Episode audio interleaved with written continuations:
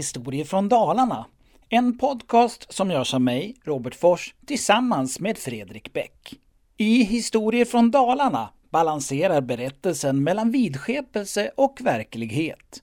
I historierna får vi möta farliga väsen och kallblodiga mördare, men också lära oss mer om äldre tiders folktro och skrock. Vissa avsnitt är ren och klar faktisk historia, medan andra för oss in i ett magiskt gränsland där sanningen inte alltid är vad den ser ut att vara. Du är varmt välkommen att tillsammans med oss besöka Dalarna i både vidskepelse och verklighet. I dagens avsnitt kommer vi att få träffa en av de mest fruktade männen i Dalarnas historia. En man som när han inte fick vad han ville drog sig varken för våldtäkt, rån eller mord och som satte skräck i en hel bygd. I folkmun kallad Gardistkalle. Vi vill i början av avsnittet varna känsliga lyssnare för att delar av historien kan uppfattas som obehagligt.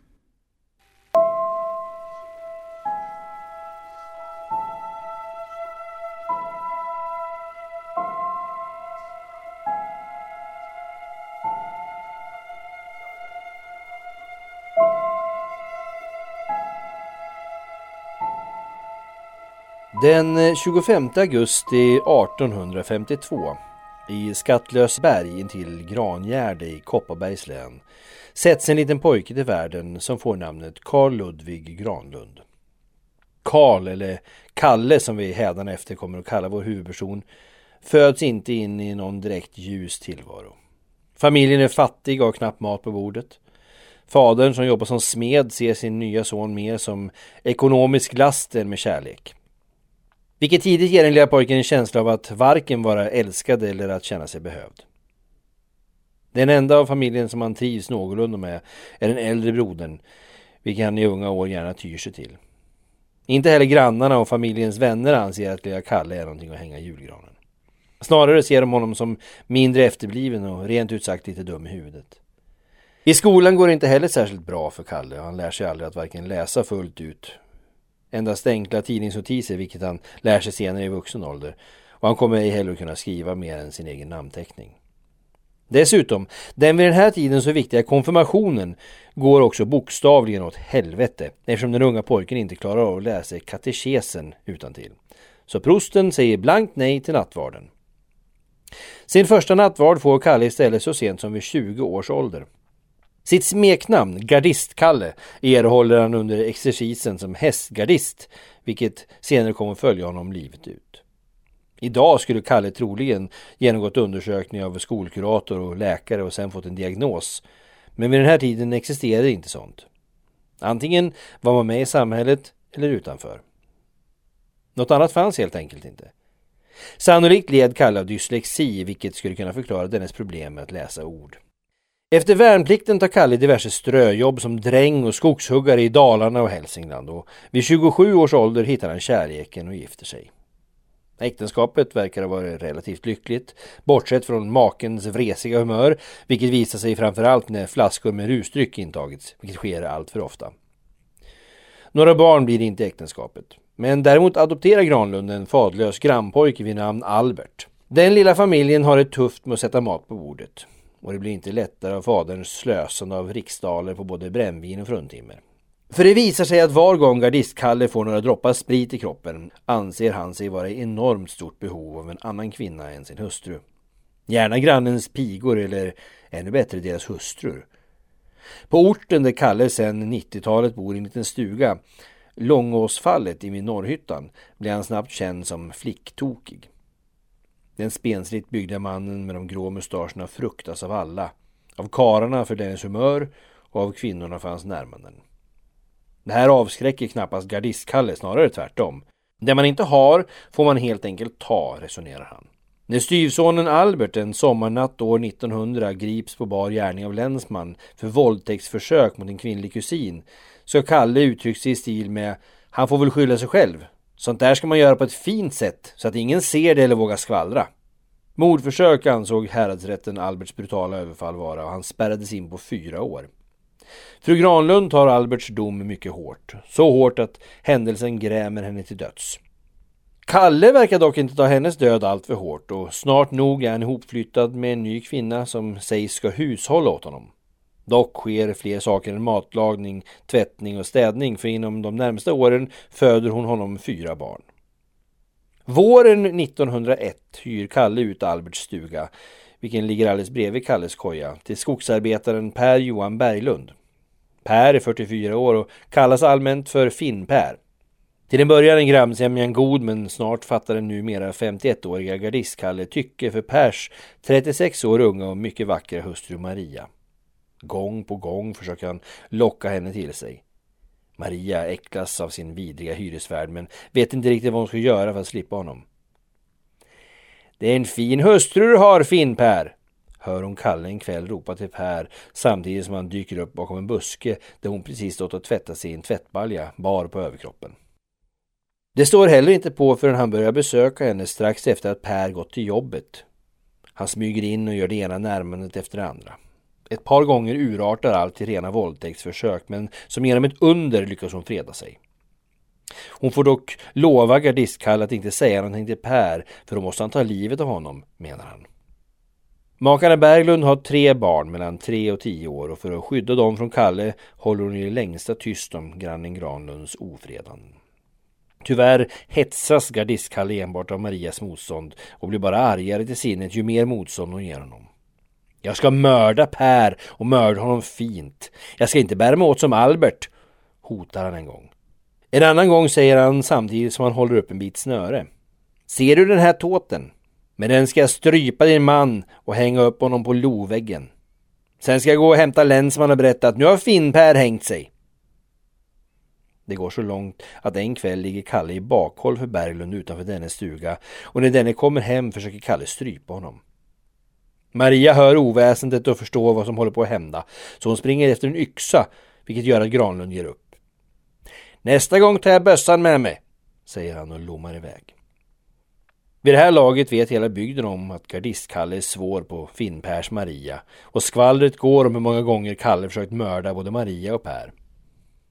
Men ingen, absolut ingen, vågar yppa ett knyst till länsman. De flesta männen är också rädda för Kalle. I öppen strid fruktar ingen honom menar man, då Kalle med sin bräckliga fysik knappast skulle våga sig på något. Däremot räds man dennes lömska bakhåll, hans brutala hänsynslöshet samt skarpladdade bössa. När det gäller Kalle Granlunds förflutna vet byborna inte mycket. Det mesta är höjt i dunkel. Det de vet är sånt Kalle själv suttit och skrutit om, såsom överfall och rån längs vägarna i de djupa skogarna i Bergslagen. Och få tvivlar på de orden. När Granlund dök upp i Långåsfallet köpte han sin stuga på stående fot med kontanta medel. Vilket bara det ansågs vara misstänkt. Ej heller hade han haft något stadigvarande arbete sedan dess. Utan enbart ägnat sig åt tjuvskytte, vilket ingav en ytterst blygsam inkomst. Sommaren 1901 blir till en enda lång mardröm för makarna Berglund. Och en dag i augusti rågas måttet. Kalle har slaktat en stor råbock och efteråt går han raka vägen hem till Maria, viftar med händerna och skriker Idag har jag slaktat en bock, nästa bock blir en annan. Det här blev för mycket för Maria och på kvällen berättar hon för sin man allt Kalle utsatt henne för. En del hade hennes man redan räknat ut men det här blev trots allt för mycket och makarna beslutade sig för att flytta till Norrhyttan där de sen skulle kunna bo hos släktingar till Maria. Per går direkt till gardistkalle för att meddela att familjen ej ämnar bo kvar längre. Granlund blir rosenrasande men håller på sig till dagen före avflyttning. Då han letar upp Maria som håller på att plocka ner tvätt och överöser henne med skällsord för att hon berättat om deras hemlighet för Per. Plötsligt sliter han fram en yxa ur innerfickan på den slitna kavajen och måttar ett hugg mot henne. Den äldsta sonen, Eugen, ser vad som håller på att ske, varvid han rusar ut ur stugan skrikandes Far, far, hjälp! Om du inte tiger pojkjävel så ska du få se på annat, gormar gardistkalle och vänder istället yxan mot barnet. Han lugnar sig dock en smula innan han ser att Maria springer i riktning mot byn Skattlöseberg varvid han sätter efter henne. Halvvägs hinner han upp henne och hotar på nytt med yxan. Du har väl inte tänkt att gå till länsman? Kära ni, skona mitt liv så jag får gå hem och se till barnen, gråter hon. Granlund ger då efter och släpper henne. Samma kväll tränger sig gardistkalle än en gång in i Berglunds stuga, beväpnad med en bössa. Maria är ensam hemma med barnen när Kalle kommer gående. Han skjuter ett skott mot henne som stryker över hennes axel och in i stugan, nära att träffa en av pojkarna. Sen tvingar han henne in i stugan, ställer ifrån sig bössan för att med kraft trycka ner henne på en soffa. I flera timmar kämpar Maria sedan emot den galna vettvillingen för att freda både sin kropp och sina barn.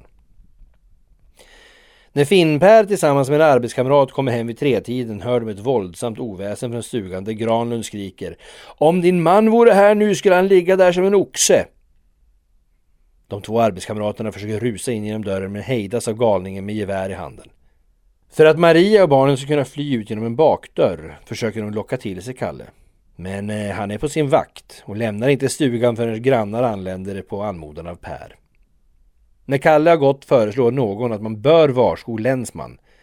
Men då ingen riktigt vill gå dit rinner förslaget ut i sanden. Dagen efter, precis när flyttlasset ska gå, rusar gardistkalle upp i vagnen och för att slita ner Per varvid flera bybor som kommer för att ta farväl tar tag i Kalle och försöker lugna ner honom. De varnar honom om han försöker fullfölja sina onda avsikter och Kalle förstår att där och då kan han inget mer göra. Men snart ska tillfället komma. Den eh, 24 augusti 1901, runt klockan ett på dagen, beger sig Finnpär iväg från familjens nya hem i Torsberg, i Norrhyttan, för att handla hem en del matvaror. Strax innan avfärd hade Maria bett honom att se upp med Granlund. Samma dag är gardistkalle ute på älgjakt. Givetvis en olaglig sådan. Kvällen går utan att Per återvänder hem. Maria blir mer och mer orolig och sitter uppe hela natten och väntar. Dagen därpå frågar hon grannarna om någon kan ha sett honom. Jo, nog var han nere vid handelsboden igår allt, förtäljer det. Men sen har ingen sett honom. Försvinnandet är snart på allas läppar och de flesta misstänker att Granlund har någonting med försvinnandet att göra. Han ber sig nämligen mycket konstigt åt. Han försvinner från sin stuga tidigt på morgnarna och är ibland borta flera nätter i sträck. När folk frågar om han har någonting med Berglunds försvinnande att göra svarar han dock hånfullt. Så vitt jag vet har jag och Berglunds alltid varit de bästa grannar. Maria väljer dock snart att kontakta länsman och berätta vad som har hänt. Sen låser hon in sig i hemmet med sina barn. Hon förstår att gardistkalle ligger bakom makens försvinnande och att han gömt honom i skogen och att efter anmälan är hon och barnen härnäst på tur. Polisen börjar förhöra bybor men de flesta tiger. Kanske av rädsla för gardistkalle. Några berättar dock att de under samma kväll Finnpär försvunnit hört hemska skrik och vrål efter hjälp från Mörttjärnshållet till. Det går några dagar innan länsman beslutar sig för att dra igång en skallgångskedja. Vid kärnen hittar de de första spåren. Två kilo fläsk och ett paket vetebröd som Berglund köpt i handelsboden. Men av den försvunna ses ingenting.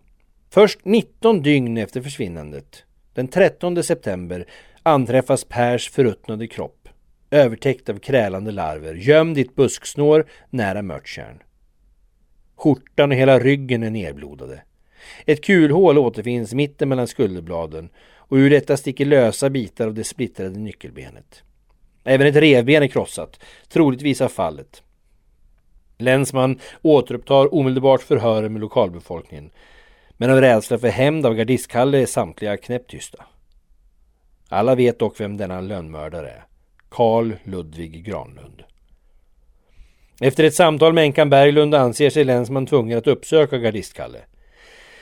Den är dock ej hemma utan strövar omkring i skogarna. En ny skallgång anordnas vilket leder till att Kalle till slut hittas gömd i sin egen stuga. Mot sitt nekande häktas Kalle, men varken häradsrätten i Ludvika eller hovrätten i Stockholm kan fälla honom. Motiv saknas inte, men eh, däremot vittnen. Dessutom finns inga bevis för när Finnpär har skjutits samt med vilket vapen. I brist på bevis ställs målet på framtiden men herr Granlund får 15 månader för våldtäktsförsök mot fru Berglund. Under ansakningarna visar Kalle ingen som helst ånger.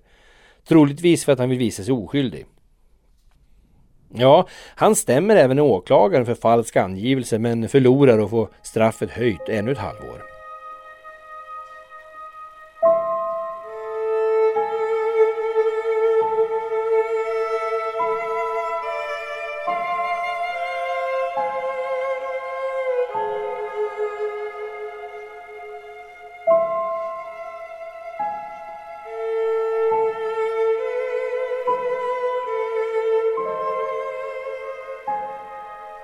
I lagens mening var gardistkalle ingen mördare, även om ortsborna var säkra på sin sak.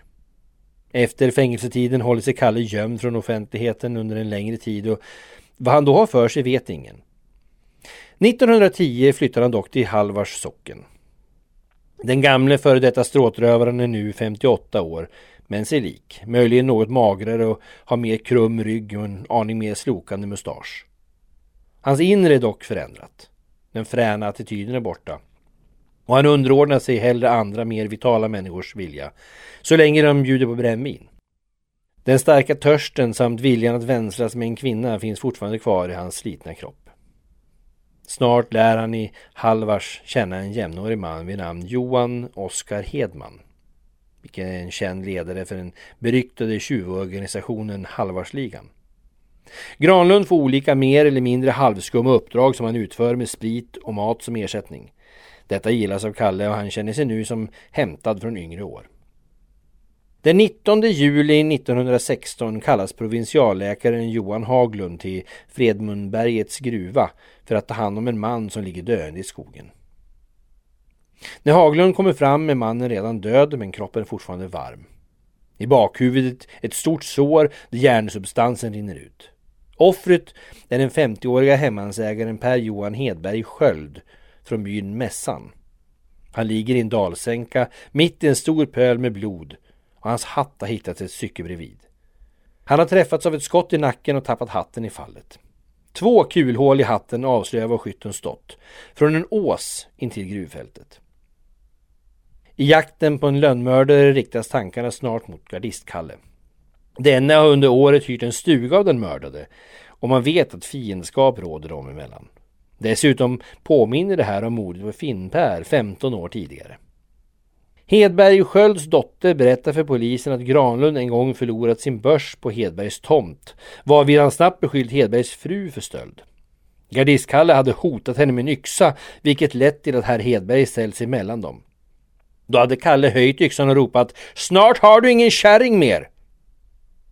Då Hedberg var betydligt mer vital än Granlund hade han snart nog avväpnat Kalle och gett honom ett så pass rejält kokstryk att enligt Hedlunds dotter fick alla färger i ögonen. Från den stunden var de båda männen dödsfiender. Granlund förstod dock att rent kroppsmässigt hade han inte en chans mot den starke Hedberg utan skulle han rå på honom då skulle det ske med list.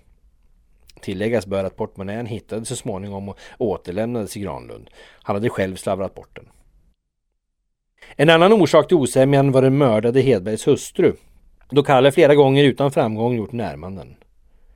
Ett par veckor innan mordet blev han uppsagd till flyttning av Hedberg och flera sa sig ha hört gardistkalle mumla någonting om hämnd. Hedberg hade dödats på morgonen när han tillsammans med dottern hade varit ute för att lasta milved. Hon hade hört skottet, sett fadern signa ner till marken och sen sprungit efter hjälp. Polisen tar snart reda på att gardistkalle samma morgon tidigt bet sig av hemifrån med ett gevär i handen. Nästa kväll beslutar man sig för att gripa Kalle. Man förstår att det gäller att vara listig, att vara den första som skjuter. En överläggning hålls i Ludvika mellan länsman Olof Nilsson och dennes kollega Gustav Larsson i Bålänge. De får sedan sällskap av länsman Gösta Stenqvist i Ludvika och vid midnatt åker sällskap till den misstänktes bostad. Ett bolag i Ludvika har vid det här tillfället mycket generöst ställt en bil och uniformerad chaufför till spanarnas förfogande. Annars hade det blivit hästskjuts eller cykel. Två timmar senare omringas gardistkalles stuga. Styrkan har dessutom utökats med ytterligare två polismän, C. Smith och Carl Boström. Alla bär osäkrade handvapen när Gustav Larsson knackar på dörren till stugan. Kalle hinner inte mer än öppna dörren förrän alla störtar in. Den misstänkte gör inget motstånd. Han tvingas ner på en soffa medan övriga söker igenom huset. I en skrubb hittar de Remingtongevär med patroner. Har Granlund skjutit Hedberg? frågar länsman Stenqvist. Nej, Hedberg och jag har alltid varit goda vänner. Jag tycker inte om mord. Trots sitt nekande till anklagelsen häktas gardistkalle och dagen därpå vallas han kring gruvfältet. Den anträffade kulan intill brottsoffret passar inte till Granlunds gevär varvid polisen under press får fram att Kalle har ett gevär till. Det här används dock enbart till att jaga grävling och ligger kvar ute i skogen. Men var någonstans eh, kunde Kalle inte komma ihåg. Efter åtskilliga timmar kan geväret dock hittas hängandes på en avbruten trädgren. Framför geväret har en granruska stuckits ner för att dölja geväret vilket visar sig vara ett Remington-gevär. Under mossan och löv hittas också ett paket patroner samt en tomhylsa, exakt passande till den dödande kulan. Motvilligt medger Kalle att det är hans ammunition. Men den där tomhylsan eh, plockade jag upp efter ett skrämskott mot en grävling, förklarar han. Polisen ber honom då att visa grävlingsgrytet. Och när det här ej hittas tror Granlund att han kanske minns fel. Mm, att det istället var kanske en ekorre han sköt på. Polisen finner snart också en stig till en ås där mördaren måste ha stått. Och på platsen finns fotspår som passar in på gardistkalles kängor. Efter envisa förhör hela natten av polismännen Larsson och Stenqvist erkänner Kalle. Ja, ja, jag tar på mig. Jag sköt Hedberg. Sen får det vara hur det vill. Jag fick honom på kornet och träffade mitt i prick i nacken. Den 22 juli, tre dygn efter mordet, kom bekännelsen från Kalle. Han hade sett Hedberg fallit, lugnt och sansat gått och hängt upp geväret i skogen, hjälpt fru Hedberg med skötseln av djuren samt vaggat dennes tvåårige fosterson till söms. Den här gången kan inte gardistkalle gömma sig bakom folks rädsla för honom, vilket var fallet kring mordet på Finnpär. Ett fall som vid den här tidpunkten varken är uppklarat eller preskriberat. Efter erkännandet av mordet på Hedberg korsförhörs Kalle om det ännu ouppklarade mordet på sin gamla granne, vilket han till slut också erkänner. Han berättar att han under älgjakten sett Finnpär komma gående längs gångstigen mellan Torsberg och Norhyttan och sett sin chans att hämnas Pers hustru Maria för alla de gånger hon nekat honom. Från 50 meters håll uppe på en kulle med fri sikt sköt han Per i ryggen innan han glad i hågen återsprang hem. Dagen efter återvände han dock för att gömma undan liket. Lite senare försöker gardistkalle ändra sitt erkännande till att han trodde att eh, Finnpär var en älg men han räknar nog knappast med att någon ska tro på honom. Under de fortsatta polisförhören lägger gardistkalle över all skuld på sin vän från Halvars, Oskar Hedman, genom att mena att denne lejt honom för att skjuta Hedberg. Han berättar att Hedberg och Hedman länge varit rivaler om den föres hustru och att Hedberg flera gånger försökt sätta åt sin antagonist. Som exempel ska han på olika sätt hos myndigheter ha anklagat den mördade för djurplågeri och stöld. När Hedberg reste till Amerika under några år hade rivalen, sades det, utan framgång uppvaktat fästmön. När Hedberg 1912 återvänt till Sverige och gift sig med sin flicka samt flyttat till Fredmundsberg skulle Hedman se till att Kalle blivit dräng där. På så sätt skulle han ha sett till att ha koll på sin gamla rival. Gardistkalles anklagelser leder till att Hedman häktas som anstiftare av mordet sedan en mängd olika vittnen gör gällande att det ligger en viss sanning i uppgifterna.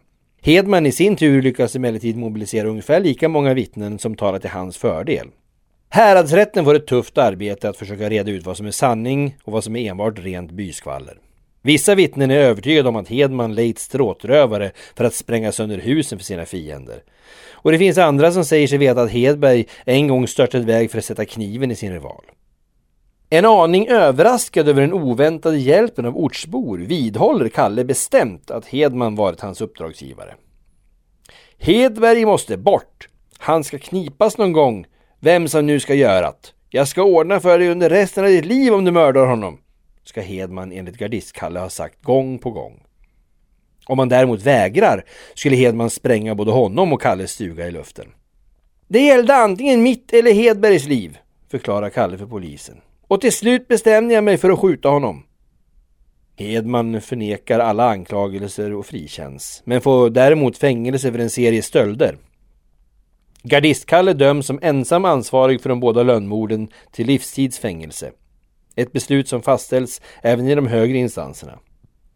I januari 1917 börjar han avtjäna sitt straff på Långholmen. Men åtta år senare kommer ett litet avbrott i enformigheten.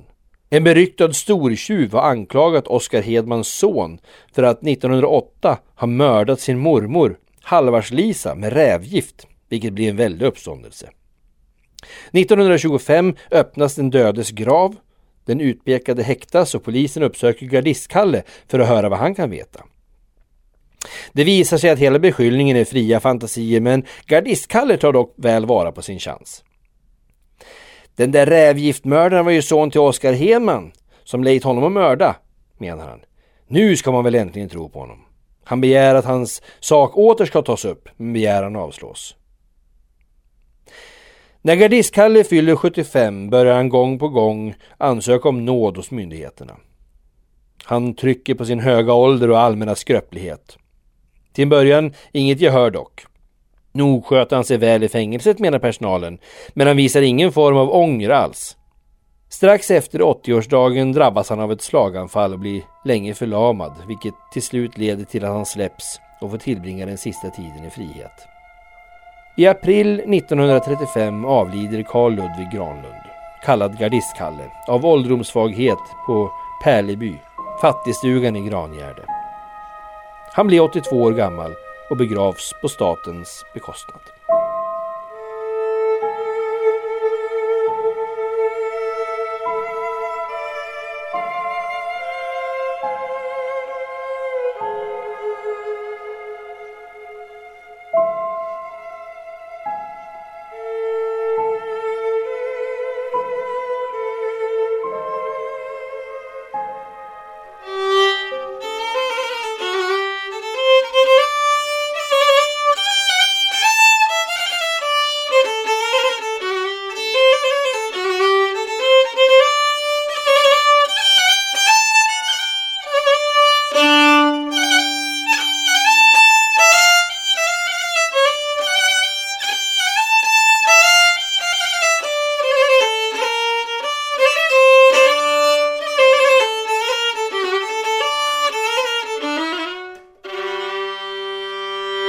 Det material vi har jobbat med under arbetet med detta avsnitt är hämtat ur Brottets krönika av Carl Olof Bernhardsson samt urklipp ur Ludvika Tidning, Södra Dalarnas Tidning samt Avesta Tidning. Historier från Dalarna är en podcast som görs av mig, Robert Fors, tillsammans med Fredrik Bäck. Följ oss gärna på Facebook och Instagram. Där heter vi kort och gott Historier från Dalarna. Där ser du också kommande berättarkvällar. Har du tips på en historia eller ett tema? Maila oss på kontakta historierfrandalarna.se. Vill du boka oss? Maila samma adress kontakta historierfrandalarna.se. Historier från Dalarna har också en systerpodd vid namn Historier från Hälsingland. Den hittar du där poddar finns. Vi hörs snart igen och tack för att du har lyssnat.